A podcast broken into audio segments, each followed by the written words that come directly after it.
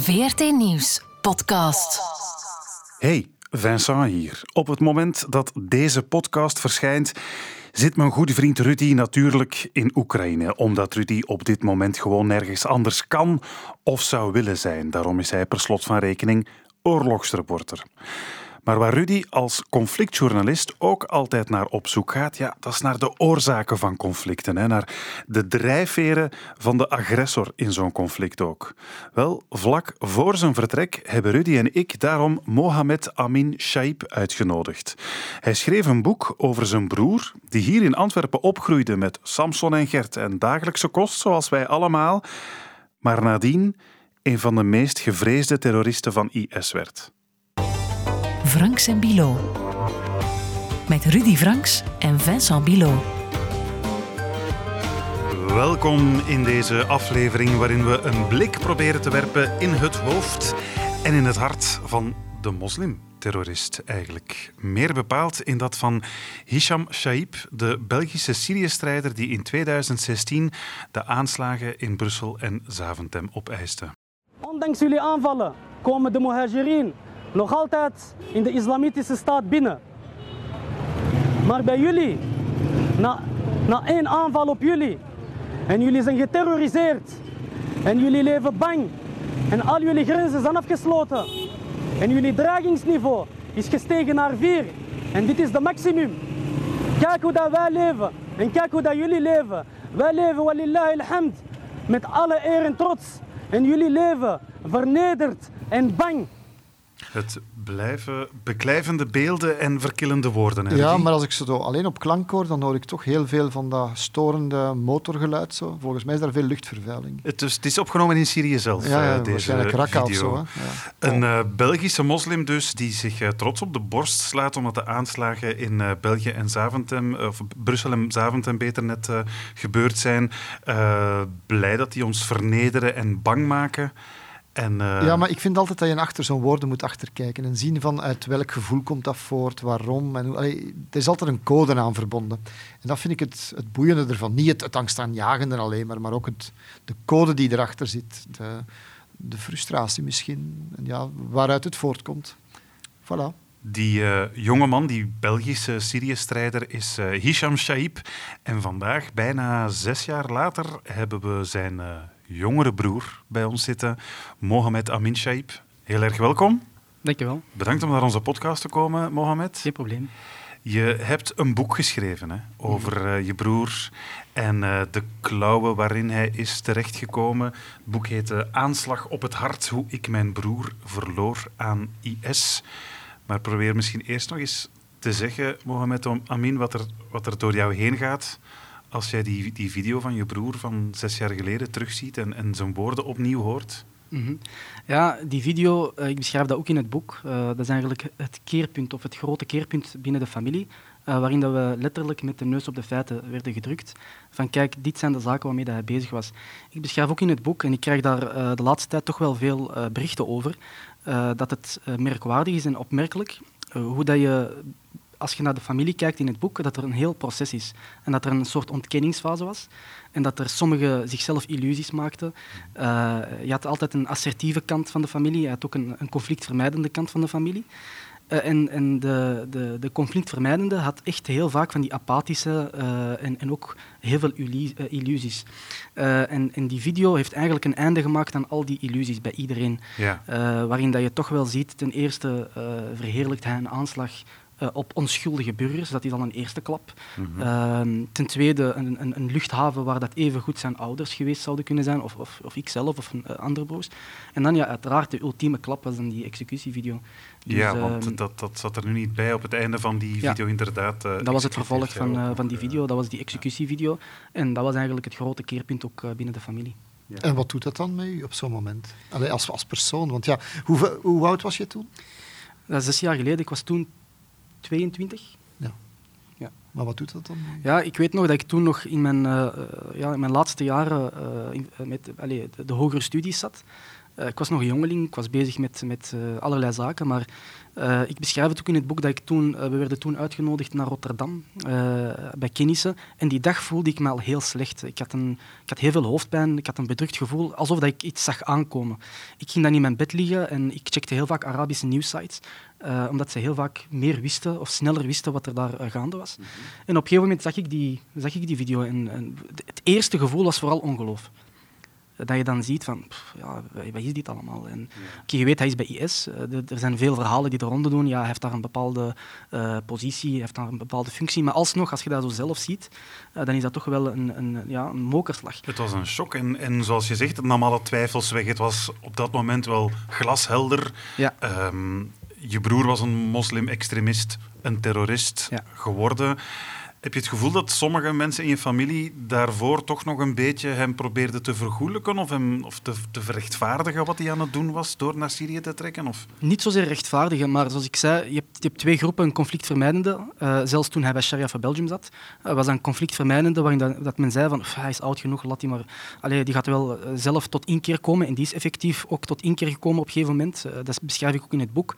nadat hij naar Mekka gaat met mijn vader, neemt hij ook echt afstand van Sharia voor Belgium en zegt hij van kijk, ik ga aan mezelf werken. Uh, ik ga vooral nadruk leggen op het spirituele in plaats van het politieke.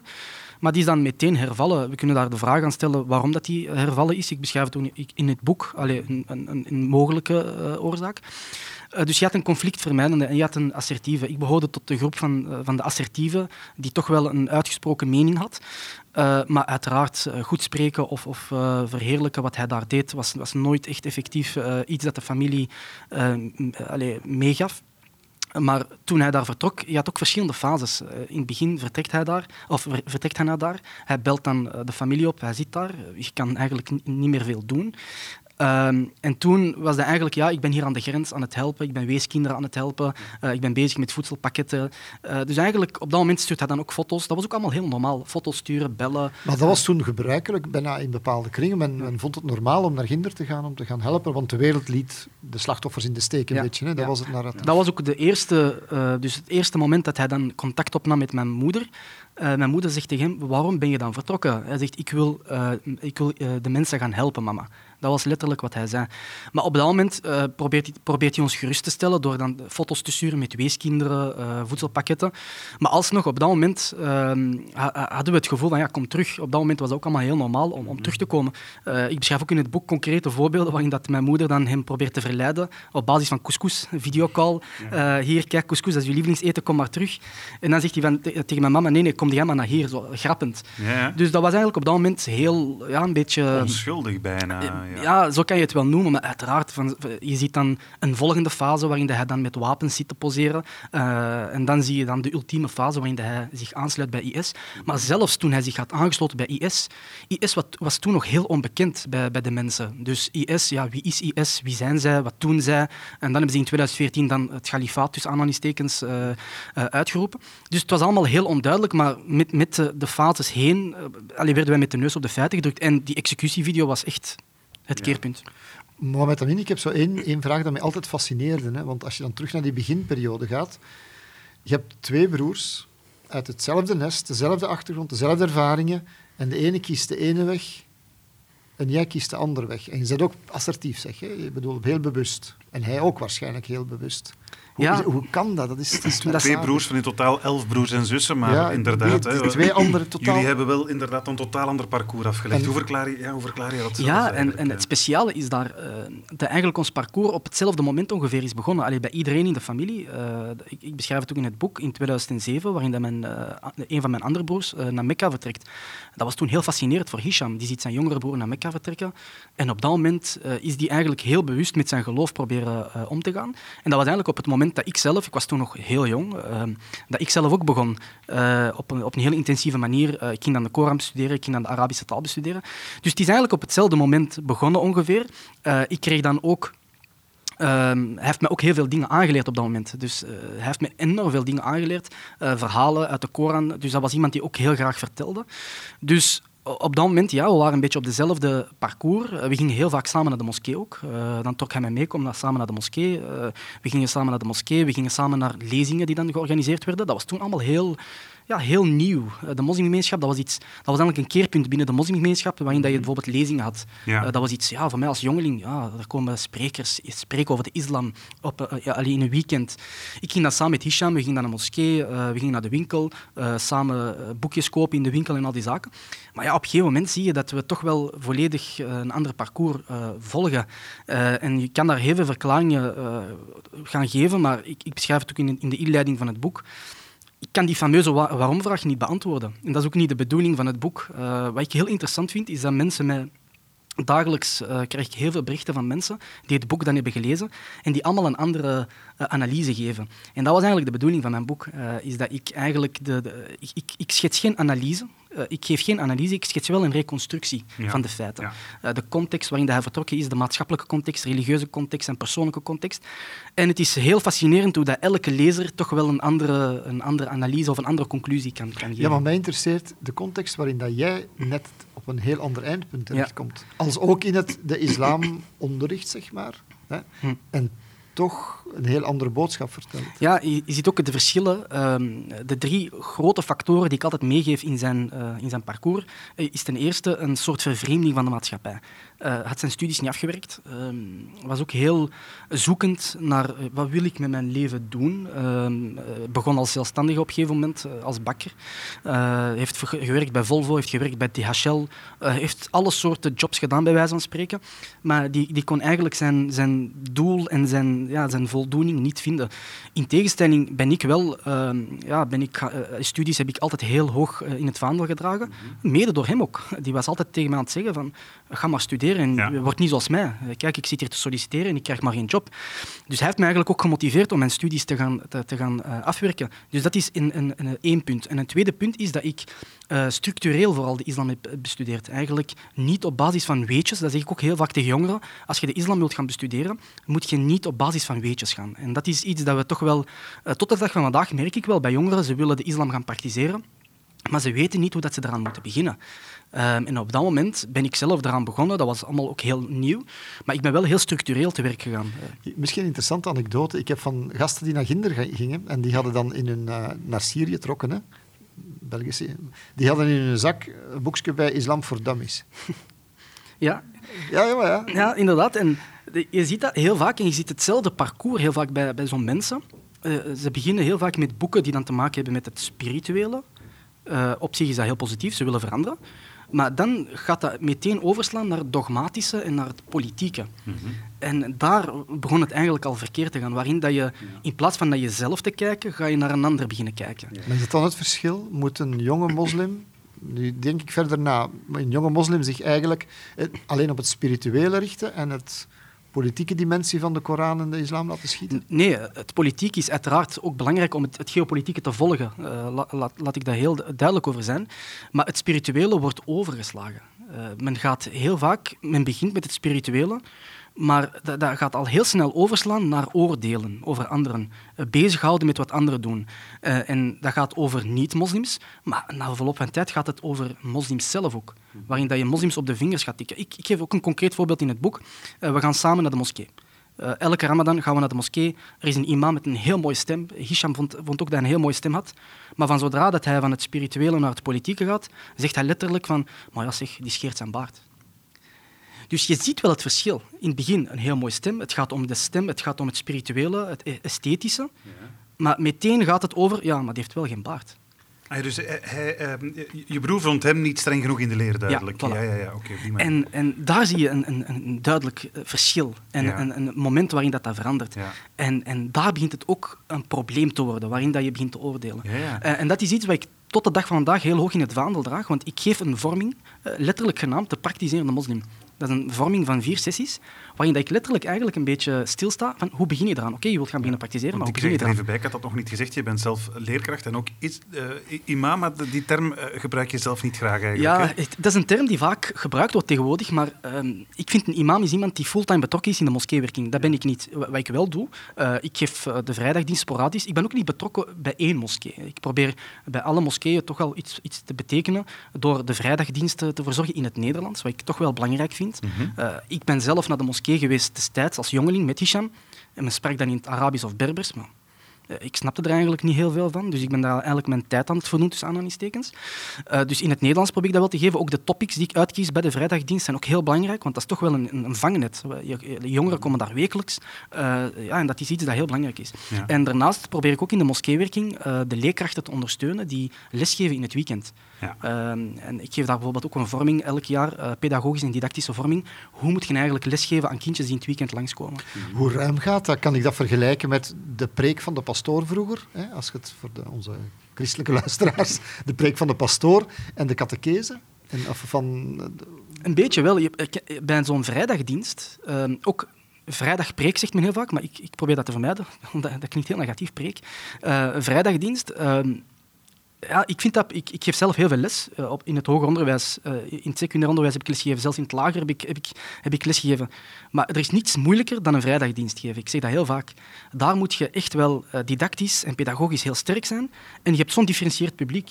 Je hebt daar oude mensen, je hebt daar jonge mensen, je hebt daar bekeerlingen, je hebt daar moslims die al heel lang moslim zijn. je hebt daar jongeren, je hebt daar ouderen uh, vrouwen, mannen. Dus differentiatie zegt men heel vaak in het onderwijs. Ik denk dat daar echt uh, het toppunt van differentiatie is. En ik vind het heel moeilijk dan, want ja, een preek, uh, islamitisch gezien, wordt het aangeraden om het zo kort mogelijk te houden. Ehm, wat maar geef eens een paar thema's. Welke soort thema's heb je bijvoorbeeld de voorbije weken behandeld? Bijvoorbeeld een thema dat ik, dat ik heb behandeld was um, rolmodellen. welke rolmodellen kunnen we, kunnen we nemen? Uh, en heel vaak wordt dan door jongeren een soort of-of uh, verhaal ge gecreëerd. Oftewel ga ik de profeet Mohammed als, als rolmodel nemen en, de rest uh, en voor de rest niemand. Oftewel ga ik iemand anders als rolmodel nemen en de profeet Mohammed Maar dat zijn allemaal grote rolmodellen. Dat gaat niet over een van die moderne zangers of zo. Dan. Nee, dat gaat dus eigenlijk... Wat is een iedereen mee dweept op ja, dus, dus eigenlijk, wat is een rolmodel? en uh, waar moet je eigenlijk bij oppassen als je een rolmodel neemt? En dat is eigenlijk ook eh, heel intentioneel gedaan, omdat jongeren soms niet echt de juiste rolmodellen uh, vinden. En denk maar bijvoorbeeld aan mensen die zich aansluiten aan IS. Ik, ik, heb het ook in het boek aangehaald, een, bepaalde predikers dan echt als rolmodel zien, als held. Dus het is heel belangrijk om dan te weten hoe dat je met die rolmodellen moet kunnen omgaan. Ik heb ook al eens een vrijdagdienst over sociale media gegeven klinkt misschien niet echt islamitisch, maar sociale media, hoe ga je om met sociale media? Uh, en aan de andere kant probeer ik ook wel uh, het spirituele vooral daar weer tot, tot uiting te brengen. Bijvoorbeeld uh, vooroordelen heb ik ook al eens een, een, een, een vrijdagdienst over gegeven, ja, dat je niet moet oordelen. Dus die zaken kaderen vooral in, in hetgeen dat ik net zei, ehm, vooral moslims proberen te helpen in de beginfase, hoe dat ze moeten gaan praktiseren. En ik word dan na die vrijdagdienst heel vaak aangesproken door jongeren die dan komen van... Ja, echt waar, sorry, ik heb ooit uh, ik heb ooit een bepaalde gedachte gehad en ik heb ooit iets gezegd over die, uh, over die persoon, maar na, na uw vrijdagdienst uh, besef ik toch wel dat ik meer met mezelf moet bezig zijn. En dat is eigenlijk het doel dat ik probeer te bereiken, ja. omdat ik dat in mijn tijd vooral heb gemist. Ja, ja, het komt uiteindelijk altijd neer op de interpretatie van een, ja. van een godsdienst, hoe je, er, hoe je ermee Ja, en vooral wat essentieel is, is Allee, een van mijn leerkrachten zei dat vroeger ooit. Hou je bezig met uw vierkante meter. Ja. Vierkante meter. Hou je gewoon bezig met uw vierkante meter. En ja, oordelen en een vooroordeel, oké.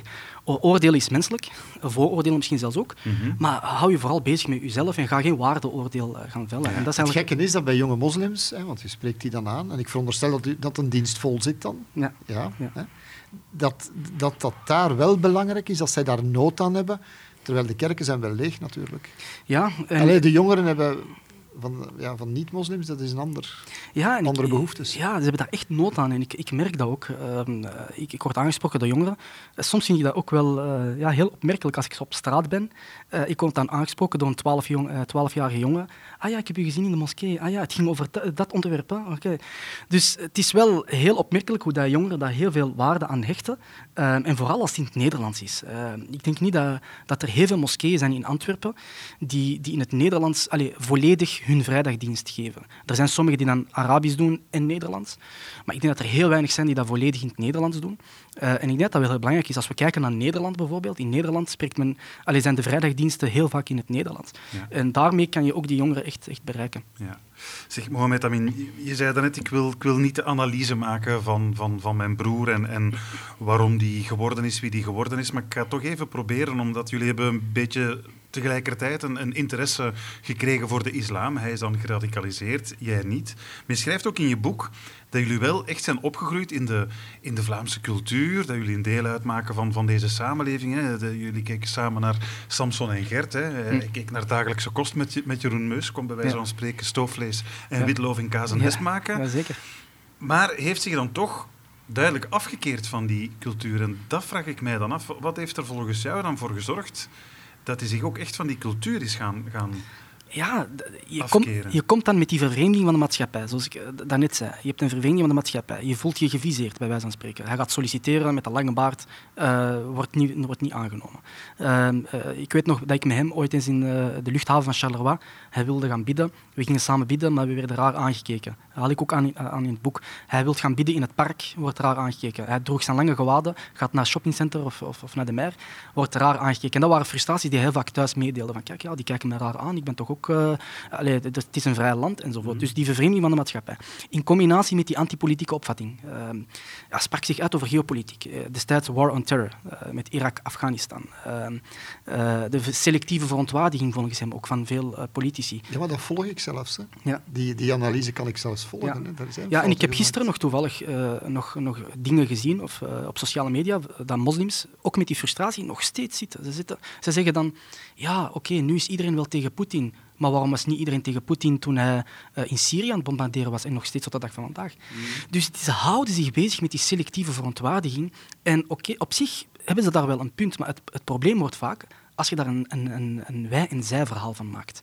En dat je dan eh, eigenlijk uh, het feit dat ze dan een bepaald punt niet, niet, niet veroordelen, mm. dat je dat gebruikt als reden om ander geweld te rechtvaardigen. Ja. Dat je bijvoorbeeld nu zegt, maar ja, hey, uh, in Syrië en, en Poetin, wat hij in Syrië heeft gedaan, hebben ze niet veroordeeld. Ja, dan interesseren mij de Oekraïners mij niet. dat, dat, is zelfs een verkeerd uitgangspunt, want ook wat Poetin in Syrië gedaan heeft, hebben we veroordeeld. Ja. Allee, ik bedoel, dus ze zitten, we ja. zitten met een soort van tunnelvisie. Ja, voilà. En ze zitten heel vaak met dat wij, zij. Onlangs ook een heel bekend voorbeeld dat ik onlangs heb gehoord. Uh, de, de Olympische Winterspelen in Beijing. Mm -hmm. Uh, jongeren hebben mij gevraagd, maar ja, waarom heeft men een hele heisa gemaakt met WK in, het WK in Qatar en niet met Olympische Winterspelen in Beijing? Ja, daar gaat het ook niet echt... Uh, daar is het over gegaan, maar toch al een pak minder nadrukkelijk, dat is waar. Ja. En de jongeren zijn daarmee bezig. En uh, wat, ik probeer, wat ik dan probeer te doen, is met die jongeren in gesprek gaan en zeggen, oké, okay, ik, ik begrijp wel van waar het komt, maar ik, ik heb geen begrip, dus dat is toch wel een verschil. Ik begrijp wel waar het komt, mm -hmm. maar ik heb geen begrip voor de, ja, wat voor u dan de oplossing is. Om dan met een wij-zij denken te komen in al die zaken. Mm -hmm. En dat was eigenlijk met mijn broer eigenlijk hetzelfde. Waarin dat hij dan uh, heel veel kritiek had op die selectieve verontwaardiging rond ja. Afghanistan, Irak, uh, uh, ja, Syrië, maar dat was veel later.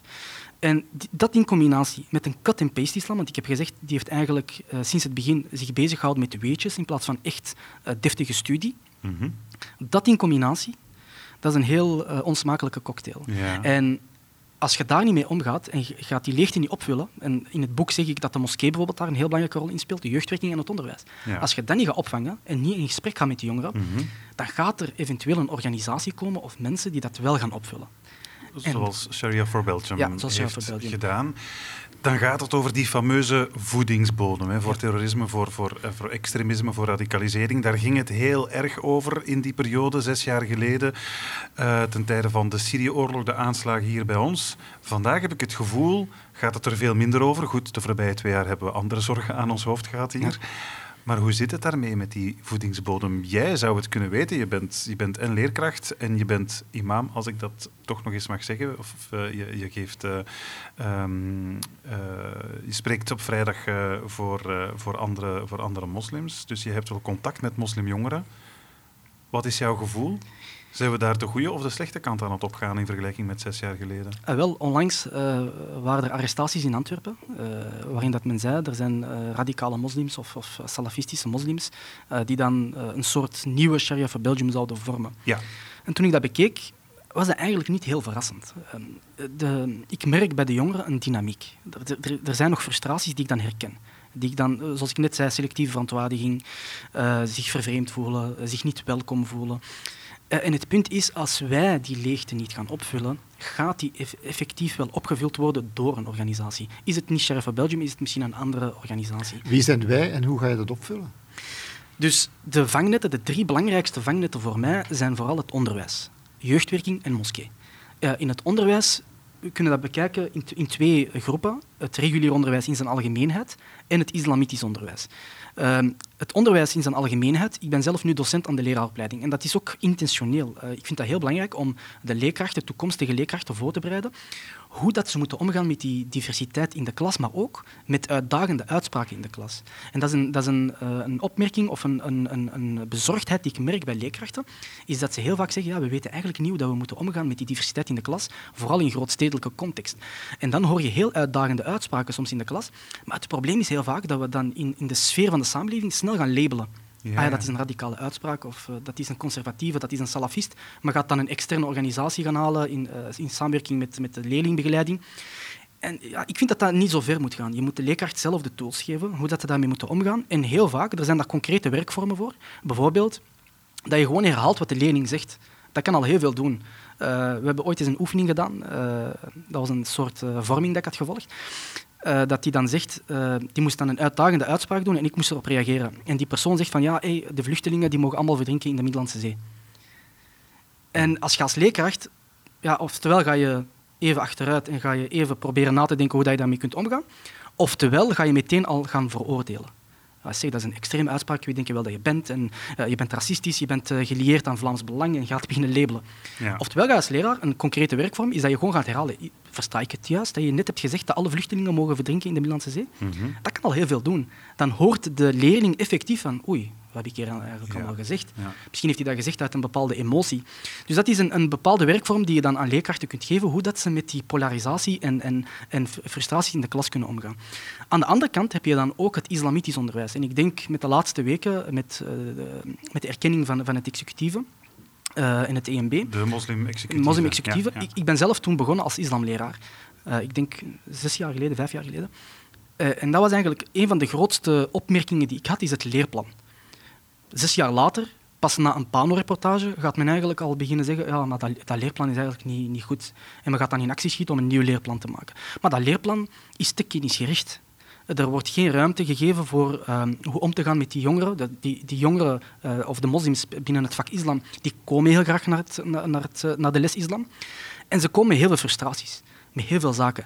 En men erkent dat ook op heel veel scholen, is dat de islamleerkracht een kracht heeft die andere leerkrachten niet hebben. Ja, ja. Dat is een soort vertrouwen. Mm -hmm. uh, vertrouwen dat, dat, hij krijgt. Of dat is een soort van gids eigenlijk voor die jongeren. Ja, en die wordt op heel veel scholen ook gebruikt als bemiddelaar.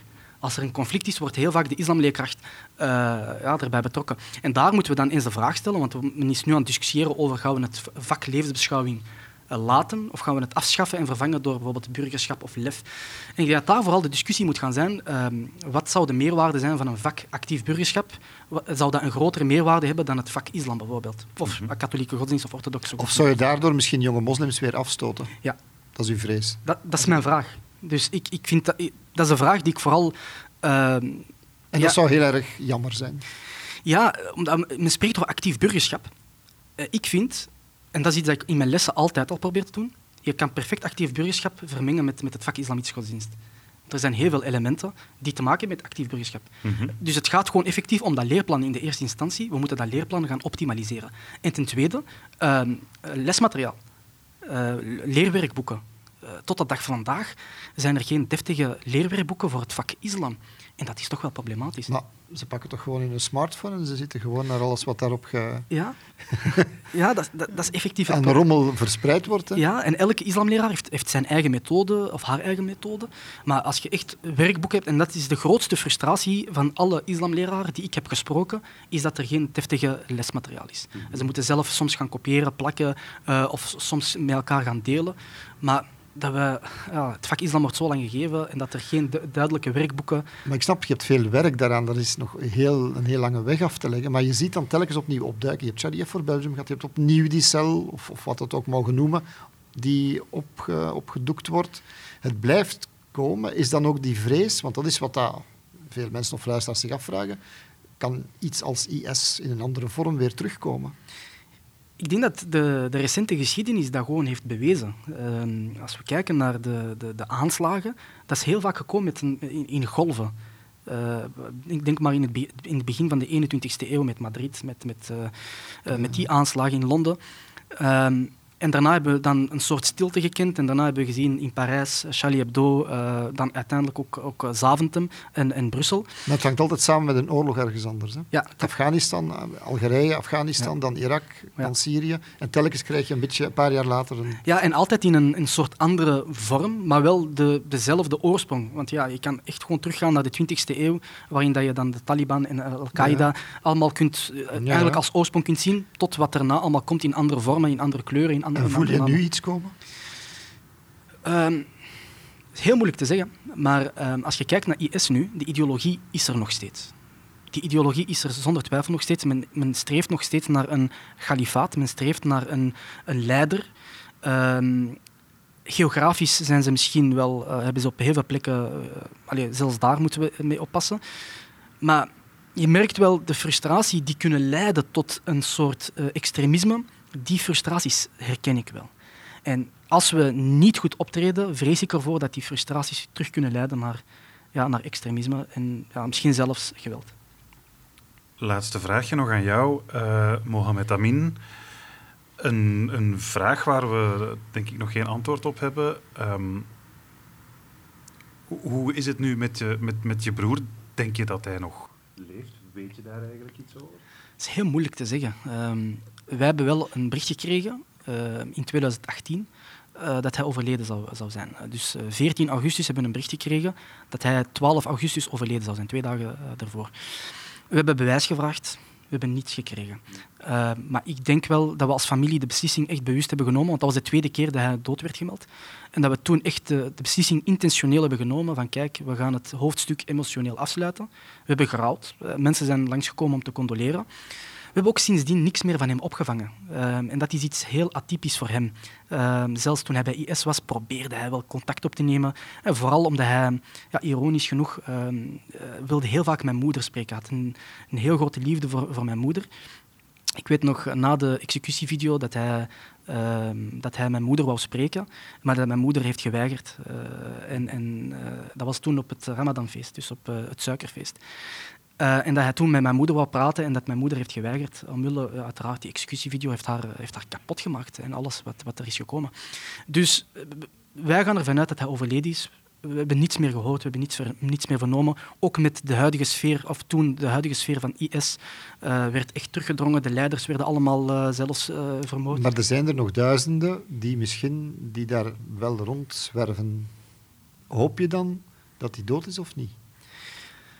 Dat is een moeilijke, ja, dat is een instinker. Hè? Ja, ik, ik, krijg soms van die hypothetische vragen, zoals ja, stel hij zou nu aan uw deur staan, wat zou je doen? Dat is een heel moeilijke. Um, wat ik vooral hoop, um, als hij zou leven, dat hij op, op zijn minst tot inkeer zou komen. Ook al zou dat niet heel veel uitmaken, maar dat hij toch wel tot inkeer zou komen en zou beseffen dat hij eigenlijk uh, ja, toch wel heel veel bloed aan zijn handen heeft en dat hij toch wel zijn familie vooral heeft gekwetst en, en eigenlijk heel, heel Vlaanderen en België heeft teleurgesteld. Uh, en dat hoop ik wel. En de, ook als hij overleden is, hoop ik ook dat hij dat gevoel had voordat hij overleden was. Ehm, maar uiteraard, zoals ik al meermaals zeg, als we nu denken aan Hisham en als ik Hisham zou, zou terugzien, dan wil ik de Hisham zien van toen, van voordat hij vertrok. Als, als tiener, als kind, als jongeling. En als we nu thuis spreken over Hisham, gaat dat ook vooral over die Hisham. Uh, je hebt er net een aantal voorbeelden gegeven dat hij Chris van den Druppel ging imiteren, Vermeij. En uh, we keken naar Samson en Geert, Stooflees, uh, Jeroen Meus. Hij was zelf ook iemand die heel graag in de keuken stond. Imite- Vlaams, dat kun je niet Ja, imi imiteerde dan Jeroen Meus in de keuken. En, ja. ja dat was echt iemand die ja, echt als jongeling en een tiener, ja, uiteraard wil ik die Hisham terug. Maar uiteraard, de Hisham die hij is geworden, daar willen we zoveel mogelijk afstand van nemen. Mohamed Amin, uh, ongelooflijk uh, dat je de moed hebt gevonden om dit boek te schrijven. Uh, Aanslag op het hart, hoe ik mijn broer verloor aan IS. We mogen van jou ook één exemplaar weggeven aan een, aan een luisteraar. Dus wie dat exemplaar van dat boek graag zou hebben, die mag mailen naar vb.vrt.be met, uh, laten we zeggen, een antwoord op de vraag. Uh, Rudy, ik zat te denken, we zijn bijna 40 podcasts ver. Zullen we ja. eens checken of er nog luisteraars zijn die nog weten wat ons allereerste onderwerp was in onze allereerste Franks en Bilo? ik zou het zelf niet meer weten bij ik weet het nog wel, hoor, Rudy. Allee, dat je dat nu vergeten Ja, maar, bent. ja, ja, maar ik ben een jaartje ouder. Ja, ja, maar allee, dat, dat trek ik mij nu wel aan eigenlijk. Maar goed, misschien zijn er nog luisteraars die het wel weten. Mail het naar vb.vrt.be. En eh, uit alle juiste antwoorden, want ik neem aan dat er duizenden juiste antwoorden gaan binnenkomen, zal een onschuldige eh, hand er dan één uittrekken. En dat zal dus al zeker niet de onschuldige hand van Rudy Frank zijn. Nee. Beste Mohamed Amin, eh, heel erg bedankt om eh, naar onze eh, podcast te komen. En eh, probleem. tweede druk al ondertussen van het boek, dus eh, het, Ja, het loopt fantastisch. goed. Ja, na een week in de winkel eh, of in de boekhandel te hebben gelegen, was er al een tweede druk. Ik had het zelf niet verwacht. Ik heb het daarna opgevangen. Ja, maar dat is verplichte lectuur voor iedereen die naar uw dienst komt. Ja. ja in, in- Zo kan ik dat ook, hè? tijdens, tijdens de vrijdagdienst mag je niet lezen. Dus je Ah, moet ja, altijd luisteren. Dus, Heel erg bedankt om langs te komen, Mohamed Amin. ja, geen probleem. Franks en Bilo. En met de Internationale Vrouwendag nog eh, vers in het geheugen, beste Rudy, willen wij graag nog een, eh, een kijktip meegeven. Een, eh, een, een kijktip van een reeks van, ik zal toch wel zeggen, een van jouw trouwste en beste medewerkers op de redactie van eh, Team Franks. En dat is, Lubna Galgali. Ja... Of moeten we nu de familienaam van de man zeggen?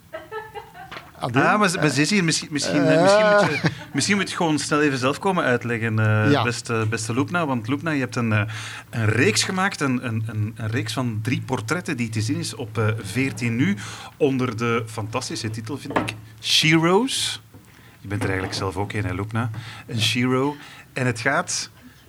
Vertel het even kort. Ja, Zoals je het waarschijnlijk on- ooit zelf bij de bazen bent moeten gaan pitchen in één minuut tijd. De tijd gaat nu in. het gaat over drie sterke vrouwen, Ja. eigenlijk vier, vier portretten, ehm, over vrouwen die bodybuilden, ehm, voetballen en boksen. Want vandaag de dag is dat nog altijd niet evident en is dat nog altijd een mannendomein. Ja, Dus, drie vrouwen die echt hebben moeten knokken voor hun plaats in de sport. Wat die bokster dan betreft, letterlijk natuurlijk. Ja, en eh, echt moeten knokken om te kunnen zijn wie ze willen zijn, want daar gaat het eigenlijk over. En er is ook een element moslima toch in. Ja, er zit ook een klein beetje moslima in, omdat eh, bijvoorbeeld de meisjes van Molenbeek, eh, die voetballen ook, maar die hebben het heel erg moeilijk gehad om te mogen voetballen van hun eigen gemeenschap, eh, ja, als, als meisje zijnde. Dus er zitten ook heel veel vooroordelen in, heel veel eh, het breken van stereotypen in. Dus ehm, het is zeker een aanrader. Dus Shiro's in al zijn diversiteit. In al zijn diversiteit, inderdaad. Sheroes over eh, ja, vrouwelijke helden of heldhaftige vrouwen, Ja. zouden we kunnen zeggen. Te bekijken dus op eh, VRT nu. Eh, gaan we zeker allemaal doen. Zeer zeker. Voilà. Een aanrader. Dankjewel, Eh, en komt er een vervolgloop na trouwens. Ja, er komt normaal gezien een vervolg, maar ehm, Ja, dat, blijft, dat is nog een beetje, dat Ah, hangt nog in de nevelen. dat, dat gaan we nog bespreken, ook met eh, Rudy Ja, en ja, eh, ja, et dat gaat heel streng zijn. Sheroes, Sheroes The Revenge. Of zo. De sequel. Franks en Bilo. Voilà, dan eh, kunnen we alleen nog maar even meegeven dat je altijd naar onze Facebookgroep kan surfen als je bijvoorbeeld iets wil aanvullen op onze podcast of als je een opmerking hebt of eh, iets wil rechtzetten of als je een, een onderwerp van onze volgende podcast wil voorstellen. Ja, graag. allemaal, Voor ja. de, tegen de 50ste moeten we iets speciaal doen misschien. Hè? We zitten nog maar aan 40, Rudy. Ja, maar dus Ik heb een beetje net- vooruitdenken. Ah, ja, ik wil toch al een beetje opwarmen, hè. Vincent? Ja, tuurlijk. Ik dacht dat je gewoon weer verkeerd was.